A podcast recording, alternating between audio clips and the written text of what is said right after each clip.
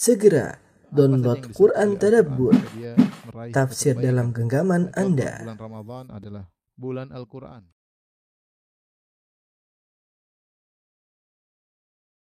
Bismillahirrahmanirrahim. Assalamualaikum warahmatullahi wabarakatuh. Alhamdulillahi ala ihsani wa syukru lahu ala taufiqihi wa amtinani wa asyhadu an la ilaha illallah wahdahu la syarika lahu ta'ziman li sya'nih wa asyhadu anna Muhammadan abduhu wa rasuluhu da'ila ridwani Allahumma salli alaihi wa ala alihi wa ashabihi wa ikhwani. Eh, para dokter yang dirahmati Allah Subhanahu wa taala, demikian juga para pemirsa yang dirahmati oleh Allah Subhanahu wa taala. Kita masuk pada hadis ke-36 eh, yang berbicara tentang kaidah yang sangat agung yaitu al jaza jinsil amal, balasan sesuai dengan perbuatan. Saya bacakan hadisnya an Abi Hurairah radhiyallahu taala anhu anin Nabi sallallahu alaihi wasallam qala dari sahabat Abu Hurairah radhiyallahu taala anhu dari Nabi sallallahu alaihi wasallam bahwasanya eh, beliau bersabda man nafasa an mu'min kurbatan min kurabid dunya nafasallahu anhu kurbatan min kurabi yaumal qiyamah.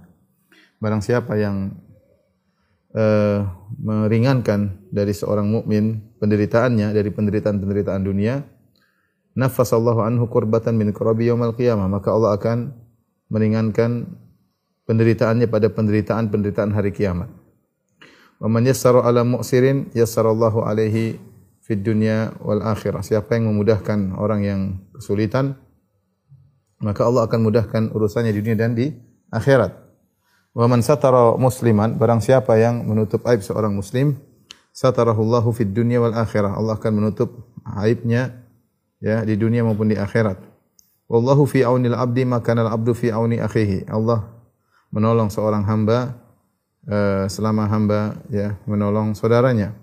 Wa man salaka tariqan yaltamisu fihi ilman sahalallahu lahu bihi tariqan ilal jannah.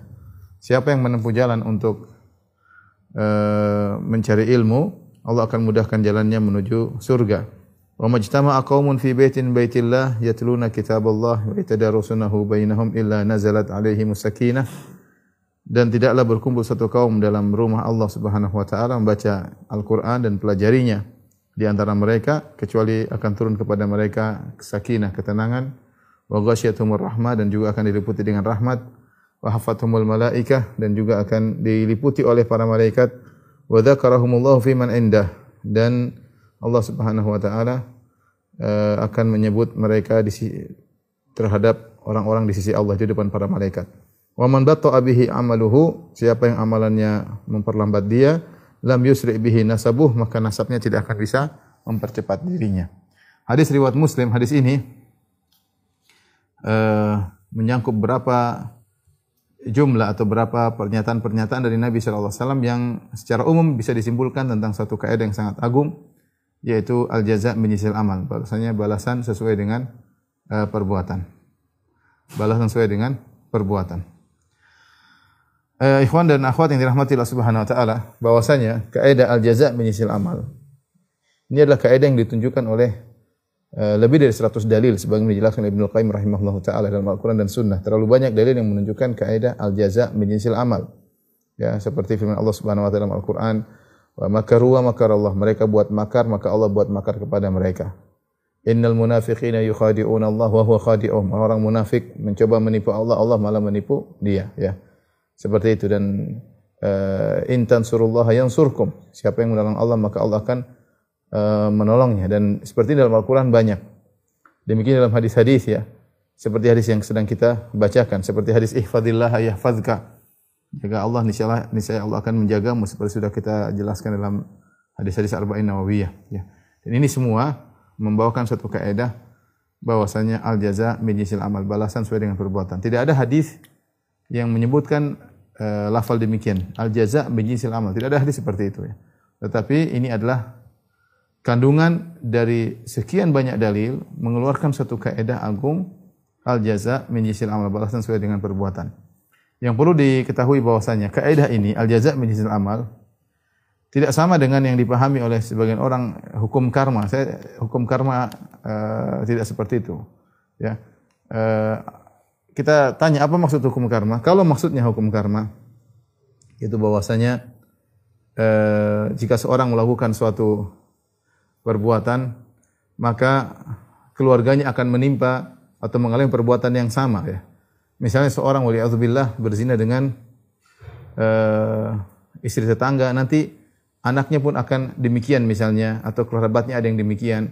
Ini bukan eh, tidak berlaku dalam kaidah. Kaidah ini siapa yang melakukan dia yang mendapatkan. Ya siapa yang melakukan dia yang mendapatkan, bukan berkaitan dengan orang lain. Apalagi kalau yang dimaksud dengan hukum karma adalah seorang melakukan perbuatan dalam kehidupan sekarang kemudian akan dibalas pada kehidupan berikutnya dalam proses reinkarnasi, maka ini juga lebih tidak tidak sesuai dengan kaidah ini. Jadi kaidah ini uh, adalah al jaza misil amal, balasan sesuai dengan perbuatan ter, ter, terkait dengan sang pelaku itu, sang pelaku itu sendiri.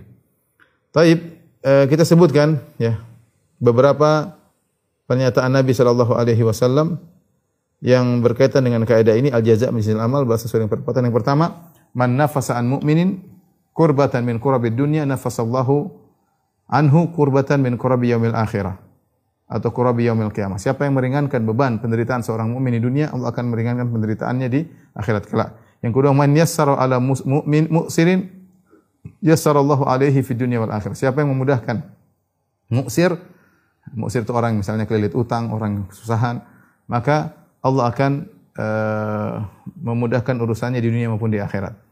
Yang ketiga, man satara musliman satarallahu fid dunya wal akhirah. Siapa yang menutup aib seseorang di dunia maka Allah akan tutup aib di dunia dan di akhirat.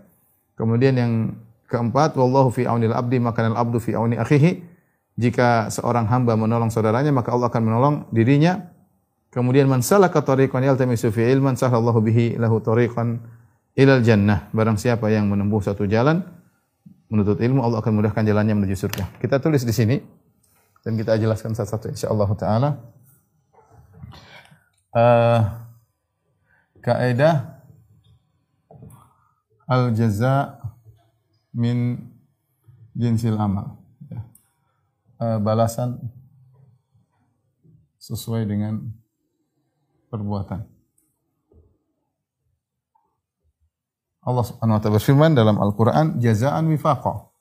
Kata Allah Subhanahu wa taala jazaan wifaqa. Balasan yang sesuai. Sudah saya katakan tadi bahwasanya dalil akan hal ini lebih dari 100 dalil disebut oleh Ibnu Qayyim rahimahullah taala. Ya. Uh, Adapun yang disebut oleh Nabi SAW dalam hadis ini ada beberapa pernyataan. Yang pertama, ya kata Nabi SAW, man nafasa an mu'min kurbatan. Ya. Man nafasa. Ya. An mu'min kurbatan min kurabid dunya. Ya. Nafasallahu anhu kurbatan min kurabil Qurabi yaumil qiyamah. Kemudian yang kedua, man yassara ala mu'sirin.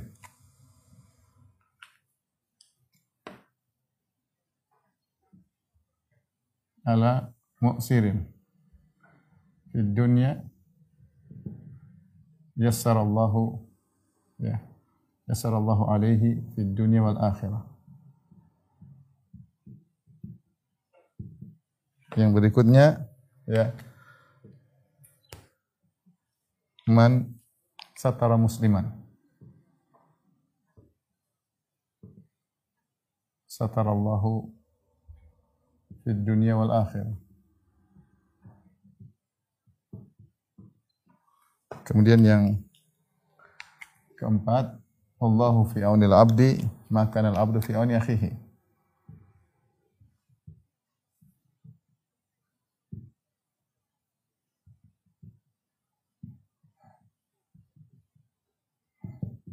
Yang terakhir adalah man salaka tariqan yaltamisu fi ilman.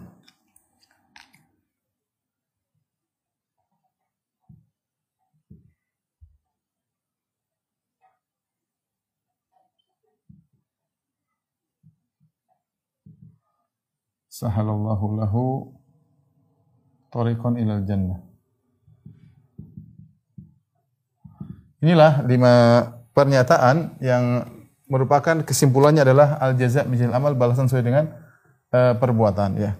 Yang pertama perhatikan di sini man nafasa nafasa ya. Tanfis Tanfis itu tidak berarti harus menghilangkan ya. Tanfis ya seperti orang sesak nafas kemudian dilegakan. Jadi ada lega. Jadi tidak harus eh, seorang ketika membantu temannya tidak harus penderitaan itu hilang, tidak harus. Dia sekedar meringankan dia sudah masuk dalam hadis ini. Ya tentunya semakin dia usaha untuk eh, menghilangkan penderitaan tersebut semakin baik. Tetapi tidak syarat harus hilang. Man nafasa yaitu kalau bahasa kita memberi eh, apa namanya? eh, meringankan ya. Man nafasa meringankan.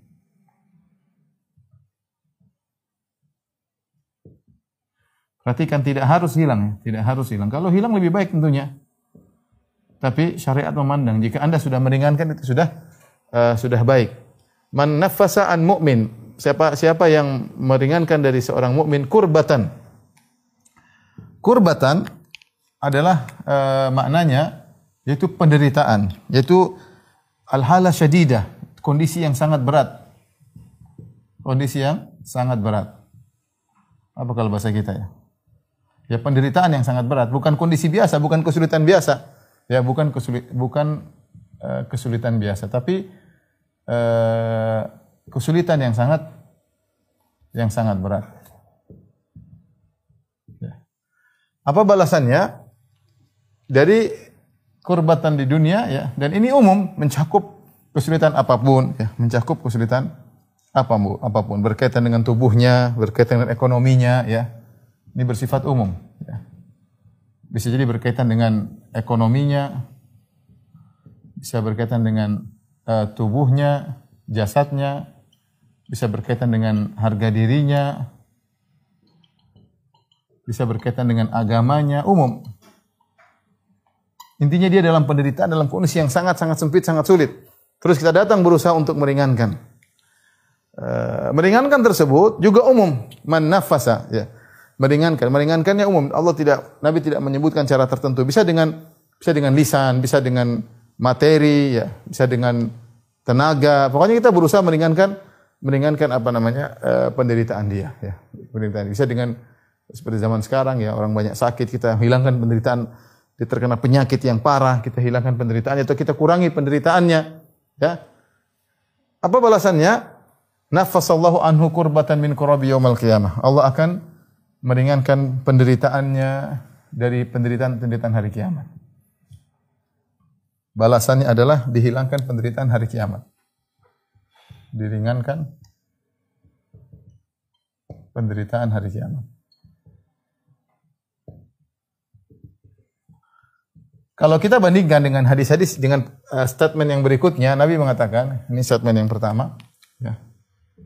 Yang kedua, yang ketiga, yang keempat, yang kelima. Kalau kita bandingkan yang statement kedua dan ketiga, di sini ada dunia dan akhirat. Barang siapa yang meringankan uh, orang yang terkena terlilit utang, Allah akan mudahkan urusannya di dunia dan di akhirat. Ada dunia berarti di sini, dunia dan akhirat. Sama, barang siapa menutup aib seorang, Allah akan tutup aibnya di dunia dan akhirat. Tetapi ketika Nabi berbicara tentang penderitaan, Nabi hanya mengatakan Allah akan meringankan penderitaannya pada hari kiamat. Kata Ibn Rajab Al-Hambali rahimahullah ta'ala. Kenapa tidak disebutkan penderitaan di dunia? Tapi disebutkan penderitaan hari kiamat. Karena kenapa cuma penderitaan hari kiamat? Ya. Dunia tidak disebutkan. Jawabannya karena penderitaan dunia tidak ada bandingannya dengan penderitaan hari kiamat. Ya. Karena penderitaan dunia tidak ada bandingannya dengan penderitaan hari kiamat.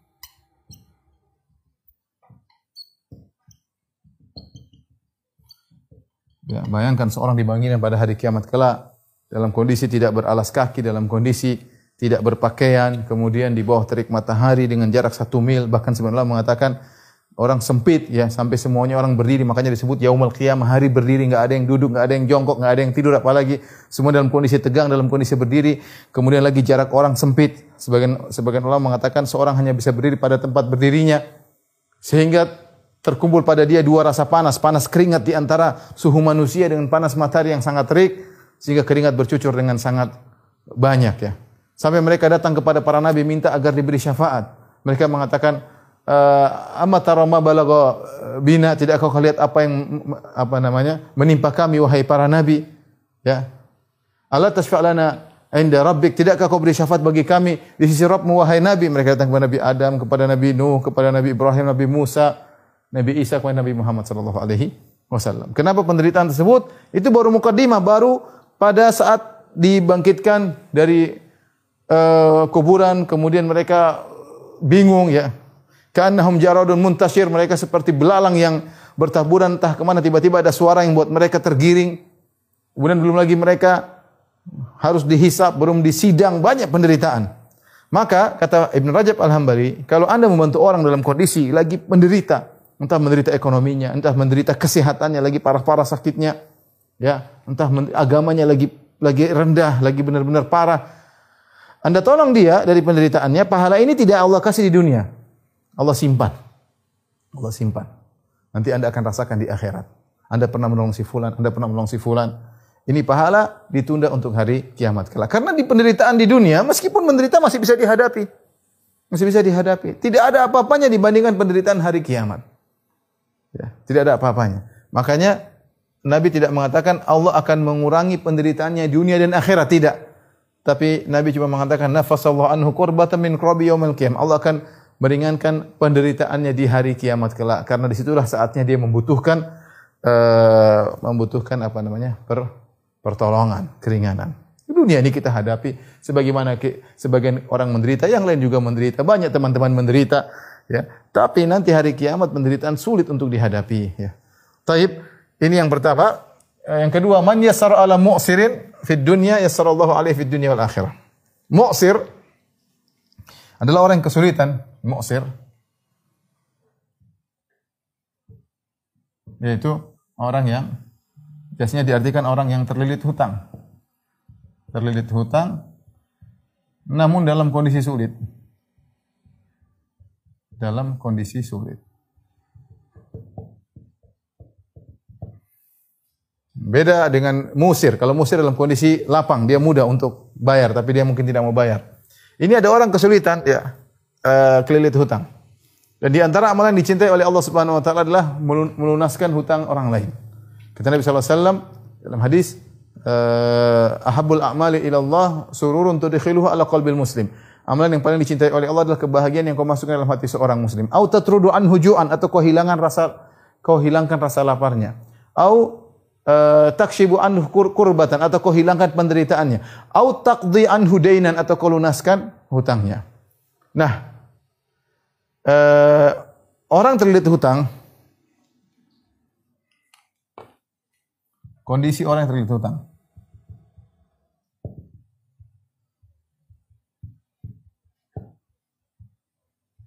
Ada dua.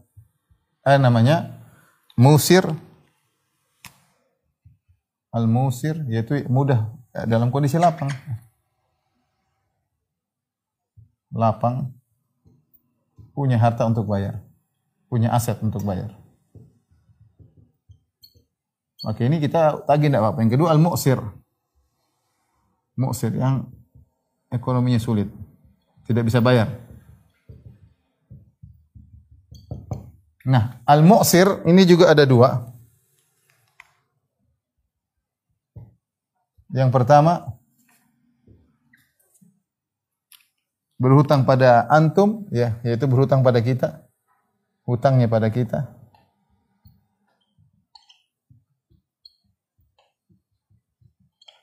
Yang kedua hutangnya pada orang lain.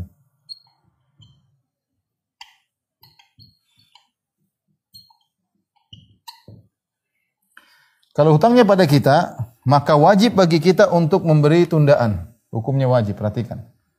Wajib bagi kita sampai dia memudahkan untuk memberi tundaan.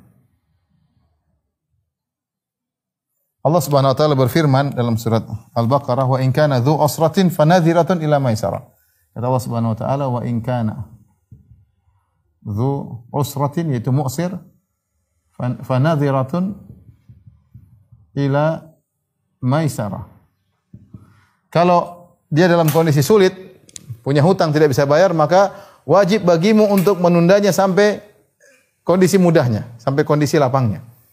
Oleh karenanya Syekh Utsaimin rahimahullah mengingatkan, kalau ada orang punya hutang sama kita dan kita tahu kondisinya sulit, dia bukan orang penipu, bukan orang punya aset banyak, memang dia nggak punya apa-apa, dia sudah berusaha bayar tapi dia tidak mampu, maka tidak boleh seorang laporkan ke pihak yang berwajib untuk ditangkap orang yang hukumnya haram. Wajib bagi dia untuk memberi tundaan, dia dapat pahala dari situ. Dia kasih tunda, wajib bukan sunnah. Kata para ulama, Allah mengatakan wa in kana dzu usratin fanadhiratun ila maisarah. Kalau ternyata orang yang kamu hutangi tersebut dalam kondisi sulit tidak bisa bayar, maka wajib bagimu untuk memberi memberi penundaan sampai dia ila maisarah sampai dia mendapatkan kelapangan untuk membayar. Lain hanya kalau dia penipu, suka apa bohong, punya duit dia diam-diam, bahkan punya utang beli sana beli sini. Uh, ini ini tidak jadi masalah. Silahkan ambil hak antum lapor ke pihak berwajib, gak ada masalah ya.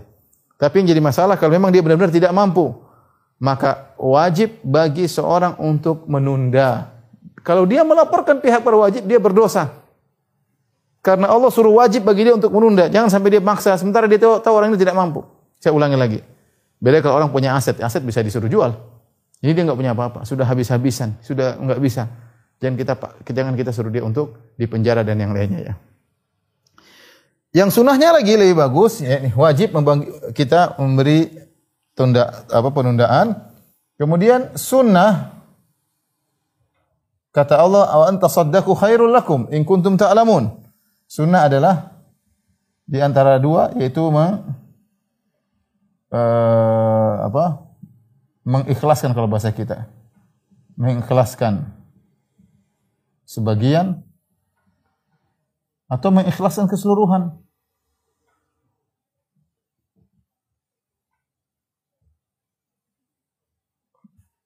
Ini lebih baik wa anta saddaqu khairul lakum kata Allah Subhanahu wa taala untuk ini lanjutan dari ayat ini wa anta saddaqu khairul lakum in kuntum ta'lamun. Dan kalian bersedekah itu lebih baik bagi kalian. Kalian bersedekah artinya kalau orang punya utang kita sudah kamu bayar 30% aja, 70% saya lunasi. Lebih baik lagi itu sudah enggak usah bayar. Subhanallah dalam hadis disebutkan ada seorang masuk surga gara-gara ini. Dia masuk surga, dia dihisap, ditanya kau punya amalan, dia enggak punya amalan. Apa amalan? Dia bingung. Saking banyak maksiat dia lakukan, dia bingung apa amalan dia. Tiba-tiba dia ingat, iya, saya dulu punya anak buah pembantu-pembantu, saya kasih utang sama orang. Kalau orang tersebut tidak bisa bayar, maka saya tunda atau saya turunkan atau saya ikhlaskan sebagian atau ikhlaskan seluruhnya. Jadi di antara hal yang memudahkan seorang masuk surga adalah amalan seperti ini. Dia kasih utang sama orang, kita memberi hutangan saja, kita dapat pahala. Kata Nabi sallallahu alaihi wasallam, "As-salafu yajri majra syatri sadaqah." memberi hutangan itu pahalanya setengah sedekah. Kalau kita kasih hutang orang 100 juta sama dengan kita bersedekah 50 juta. Meskipun dia kembalikan 100 juta. Meskipun dia kembali 100 juta. Ya. Ya. Apalagi kalau kita ikhlaskan sebagian atau apalagi kalau kita ikhlaskan seluruhnya. Itu amalan mulia dan sebab masuk masuk surga. Jadi perhatikan ikhwan hati-hati kalau orang punya hutang sama kita dan ini memang tidak mampu, kita tahu tidak mampu, tidak boleh kita paksa dia bayar, tidak boleh. Lain halnya kalau dia punya aset atau dia penipu, kita boleh mengambil hak kita dengan cara uh, dengan cara hukum dan yang lainnya ya. Taib ini ini yang berkaitan dengan muksir.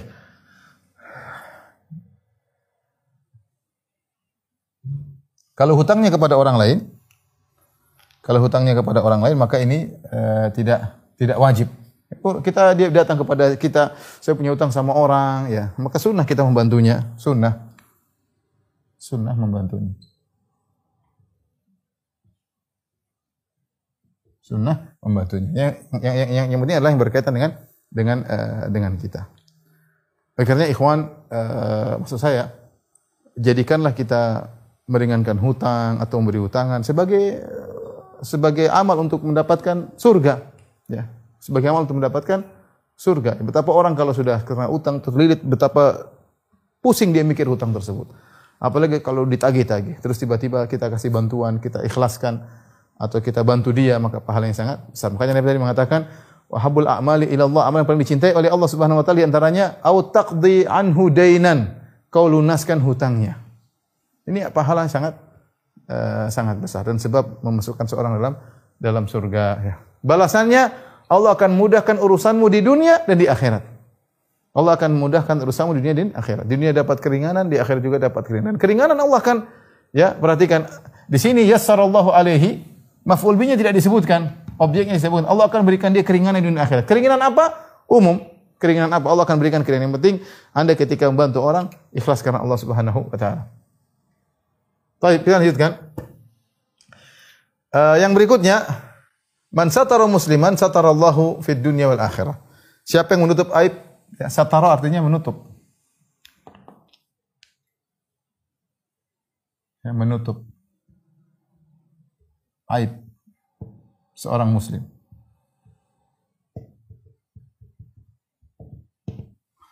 Perhatikan, ya. Kita berusaha tidak melihat aib orang. Berusaha tidak melihat aib orang. Tapi kalau ternyata kita lihat aib, lihat aib orang dan orang tersebutlah orang yang baik, hanya saja kita ketahuan, kita kita main ke rumahnya kita lihat aib dia. Dia bukan orang yang memamerkan aibnya, bukan terang-terangan memamerkan kemaksiatan, bangga dengan mas. Bukan kalau orang itu nggak ada nggak ada kemuliaan bagi dia. Kita mau ceritain dia nggak apa-apa. Kata para ulama kalau orang yang membanggakan kemaksiatan yang menampakkan tanpa ragu-ragu digibahi tidak jadi masalah. Nggak perlu di nggak perlu ragu itu gibah yang boleh. Kenapa? Karena memang dia sendiri menampakkan.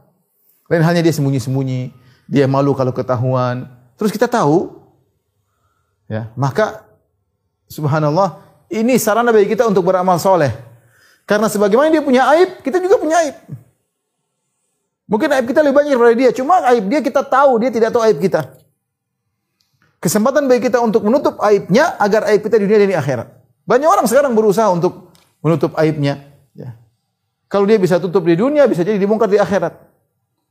Nah, di antara sarana agar aib kita ditutup di dunia dan akhirat adalah kita tutup aib aib orang. Bukan kita malah pingin pingin kasih tahu orang lain tentang aurat fulan, tentang aib ful, aib, aib aibnya si fulan, aibnya si fulana.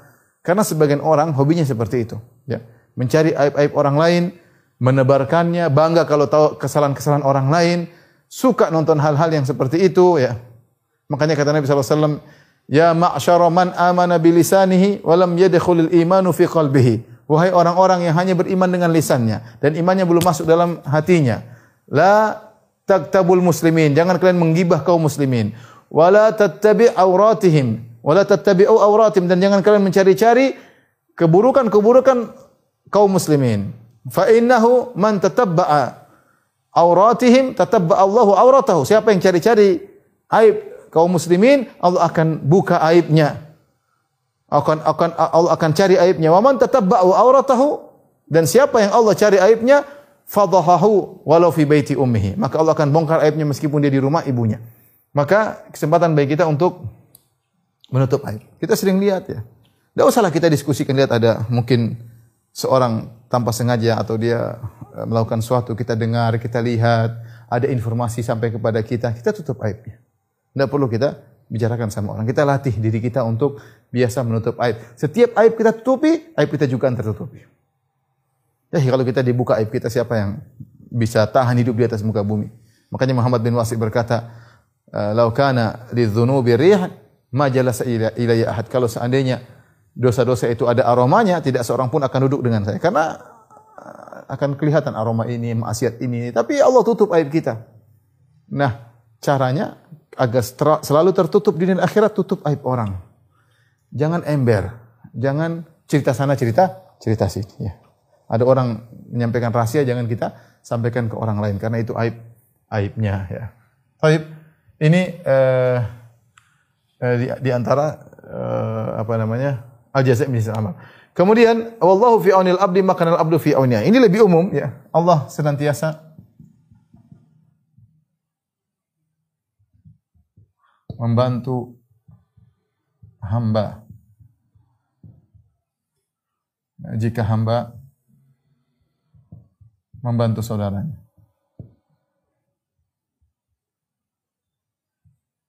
Kita ingin dibantu Allah, bantu saudara kita. Ini butuh keimanan. Anda ingin dibantu Allah, bantulah saudara. Apa yang bisa kita bantu, kita bantu. Makanya para salaf dahulu, mereka lebih mengutamakan amal yang manfaatnya muta'adiyah, yaitu berkaitan dengan orang lain. Daripada yang berkaitan dengan hanya amal qasir yang berkaitan pada diri sendiri. Ya, seperti sabda Nabi dalam hadis Tabrani, kata Nabi SAW, setelah beliau menyebutkan, uh, apa namanya, uh, ahabbul a'mal ila Allah tudkhulu ala qalbi muslim, Sungguhnya amalan yang paling dicintai oleh Allah adalah, adalah kebahagiaan yang Allah masuk yang kau masukkan dalam hati seorang mukmin.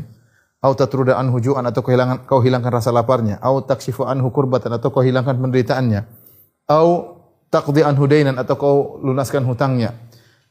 La an amshi ma akhi li fi hajatin eh, akhin li fi hajatihi habu ilai min a'taqifa fi hadzal masjid syahran. Kata Nabi, aku berjalan menemani saudaraku untuk memenuhi kebutuhannya lebih aku suka daripada iktikaf selama sebulan.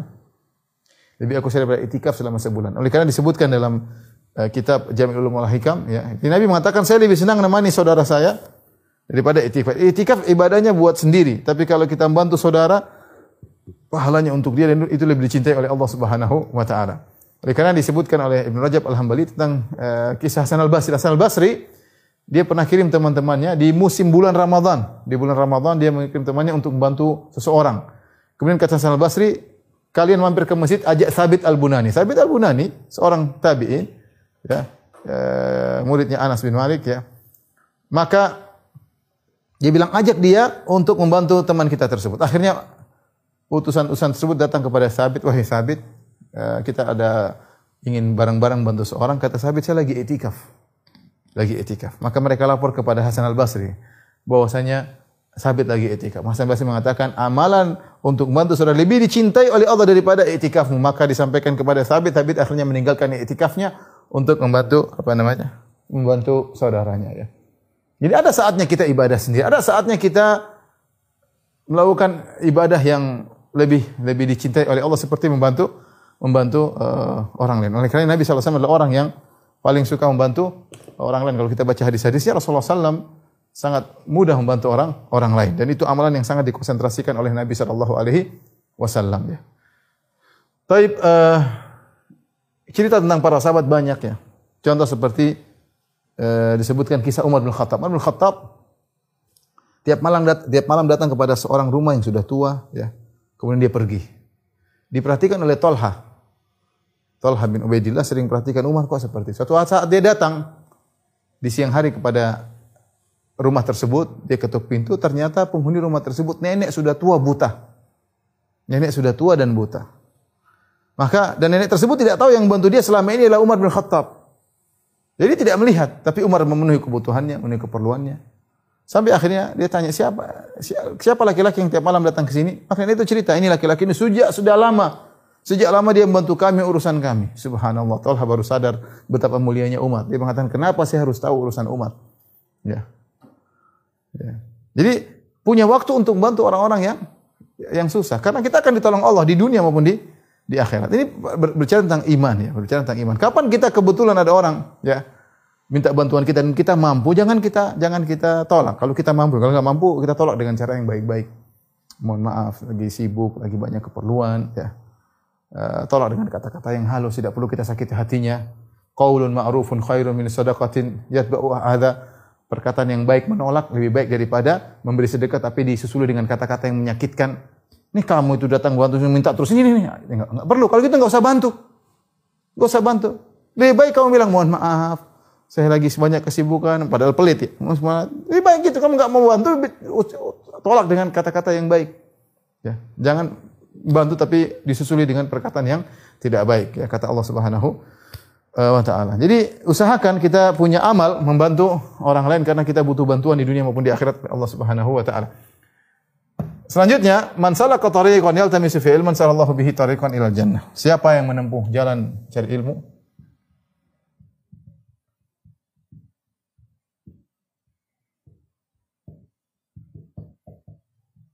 Allah mudahkan jalannya menuju surga.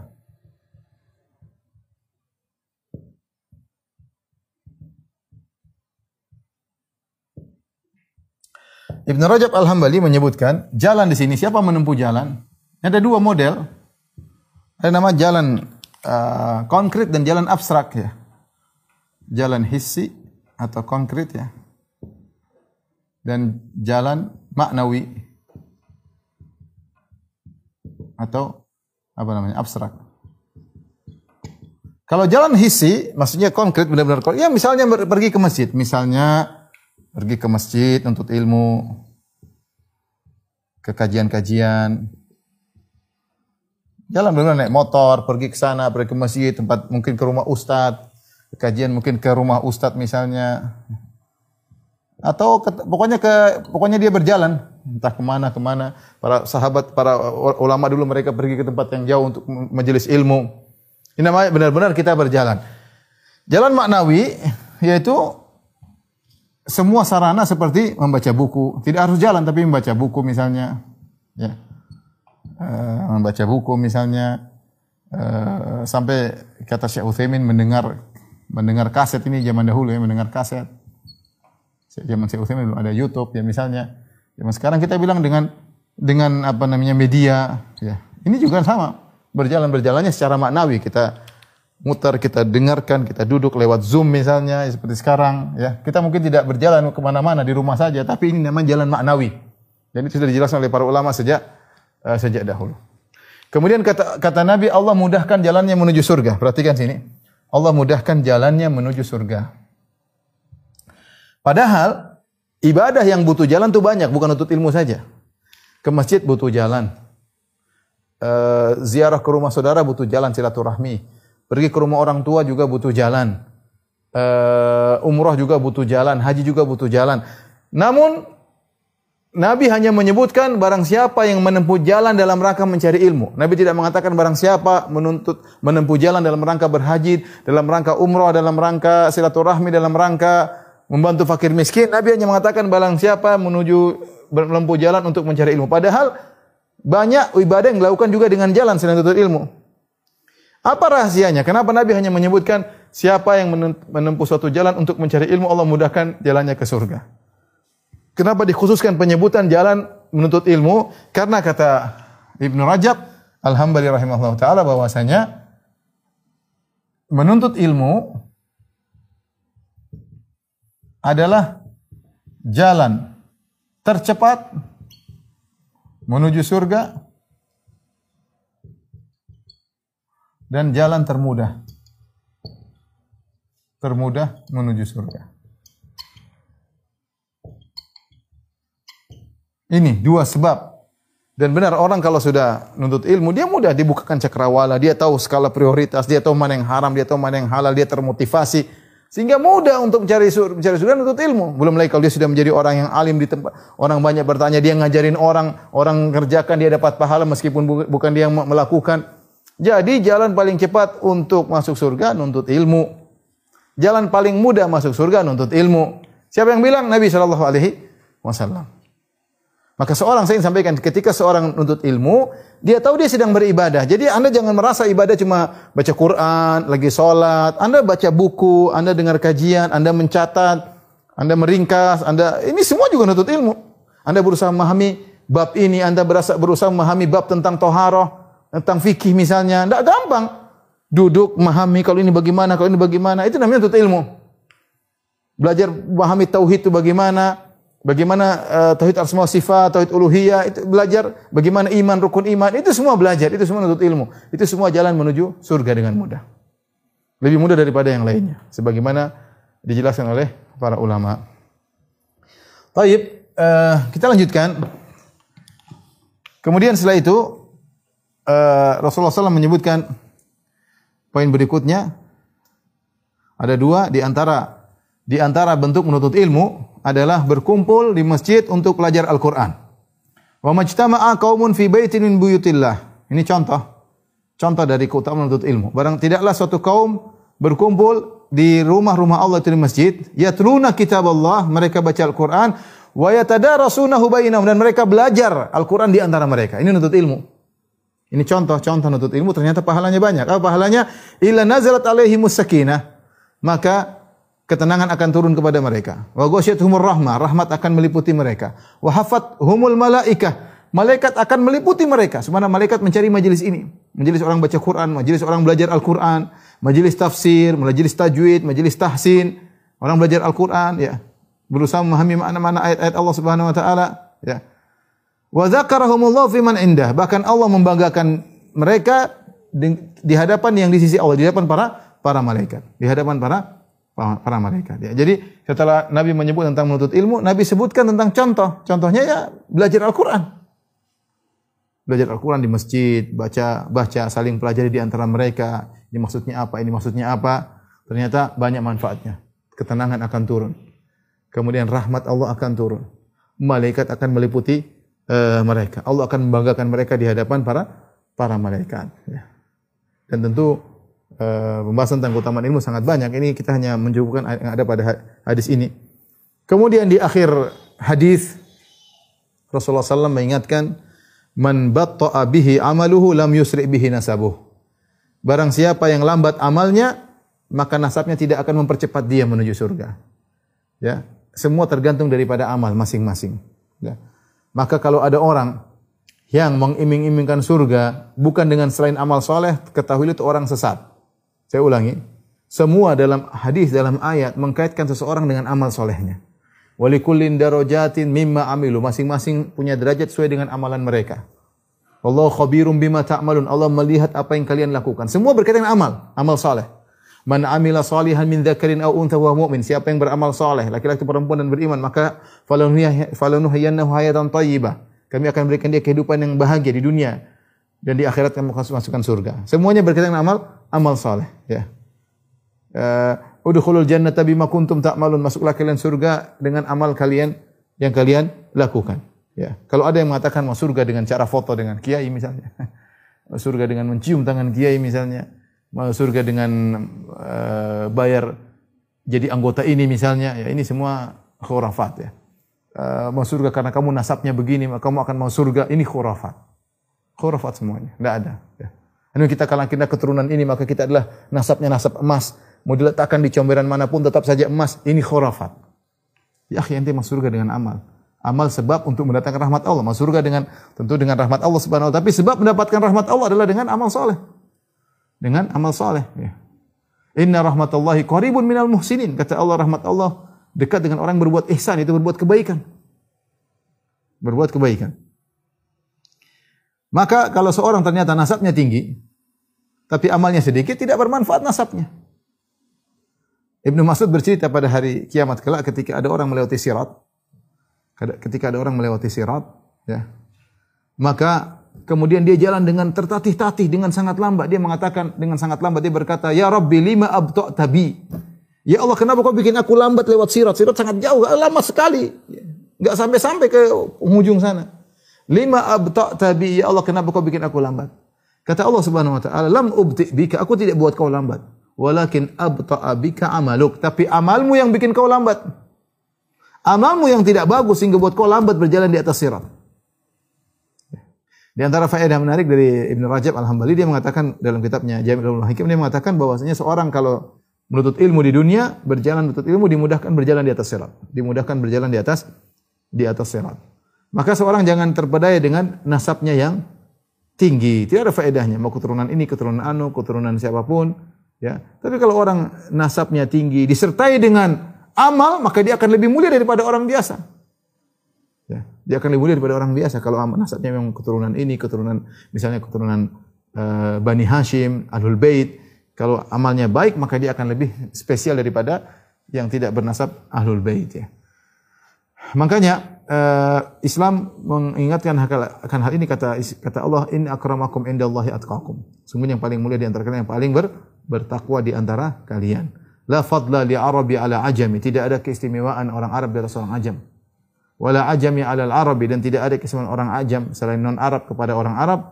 Walal abyad ala aswad. Tidak juga keistimewaan orang kulit putih dengan di atas kulit hitam atau sebaliknya. Illa bitaqwa. Kecuali dengan bertakwa. Kullukum min Adam. Kalian semua kembali kepada Adam wa Adam min turab. Dan Adam dari tanah. Kalian semua berasal dari tanah. Bukan berarti orang nasabnya tinggi kemudian dia mudah masuk surga. Enggak. Makanya Nabi SAW mengatakan kepada keluarganya. Nabi berkata, Ya Bani Abdul Muttalib, wahai paman-pamanku.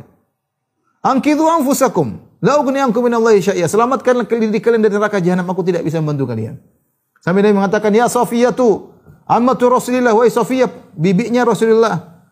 Angkidhi nafsak, selamatkan dirimu. La ugni minallahi syai'ya. Aku tidak bisa tolong engkau. Nabi berkata kepada Fatimah, Ya Fatimah tu bintu Muhammad. Wahai Fatimah, putri Muhammad, putriku. Salini mimali syi'ti. Kalau kau minta harta aku akan kasih. Silakan minta. Tapi ingat angkiri nafsak selamatkan dirimu. La ugni angki minallahi syai' Aku tidak bisa menolong engkau dari Allah Subhanahu wa taala. Nabi umumkan di hadapan di hadapan para saudara-saudaranya, kerabat-kerabatnya ketika turun firman Allah, "Wa anzir ashiratakal aqrabin." Berilah peringatan kepada kerabatmu yang terdekat. Maka Nabi berteriak memanggil mereka, Nabi beri peringatan, "Selamatkan diri kalian, selamat diri kalian, selamatkan diri kalian." Oleh karenanya, Bilal, sekarang Bilal, apa nasabnya? Enggak ada. Habasyi. Enggak ada darah Arabnya, Habasyi. Tetapi Nabi mendengar suara sendalnya di depan Nabi di surga, luar biasa. Salman Al-Farisi dari Persia, bukan dari Arab. Ya. Tetapi orang mulia, penghuni surga. Ya. La amruka mal, mal insanu illa bidinihi. Ya. Fala tatrukin fala tatruk fala tatrukit taqwa ittikalan ala nasabi. Kata seorang penyair, sungguh ya, seorang itu berdasarkan agamanya. Maka jangan dia, tinggalkan ketakwaan hanya karena bersandar kepada nasabnya. Laqad rafa'al Islamu Salman Al-Farisi. Lihat Salman Al-Farisi yang bukan Arab diangkat oleh Islam. Waqad al kufrun nasiba Aba Lahabin. Lihatlah kekufuran kesyirikan telah menjatuhkan Abu Lahab yang nasabnya tinggi, paman Nabi, ya. Gara-gara kekufuran nasabnya dia jadi rendah di sisi Allah Subhanahu wa taala. Ya. Maka yang bisa menyelamatkan seorang adalah amalnya. Maka saya, saya ulangi lagi, kalau ada dakwah-dakwah yang menyerukan seakan-akan bisa selamat tanpa amal, semua dakwah batil, dakwah sesat. Ya. Pokoknya kau masuk dalam kelompok kami, kamu akan selamat. Pokoknya kalau kau ketemu ini, kau selamat. Kalau kau cium tangan si fulan akan selamat. Kalau kau punya sanat ini, kau akan selamat. Kalau kau ini semua bohong, ya, nggak ada. Yang menyelamatkan seorang adalah amal, amal solehnya. Tapi demikian eh, para dokter rahmatillah subhanahu wa taala. Inilah yang saya sampaikan. Intinya bahwasanya Eh, kita punya kaidah agung dalam Islam al jaza min amal balasan sesuai dengan perbuatan. Agar seorang hati-hati dalam kehidupan dunia ini. Setiap yang dilakukan ada balasannya dan balasannya sesuai setimpal dengan perbuatannya. Apakah perbuatan kebaikan maupun perbuatan keburukan. Dua-duanya ada balasan yang setimpal. Kurang lebihnya saya mohon maaf. Wabillahi taufiq wal hidayah. Assalamualaikum warahmatullahi wabarakatuh.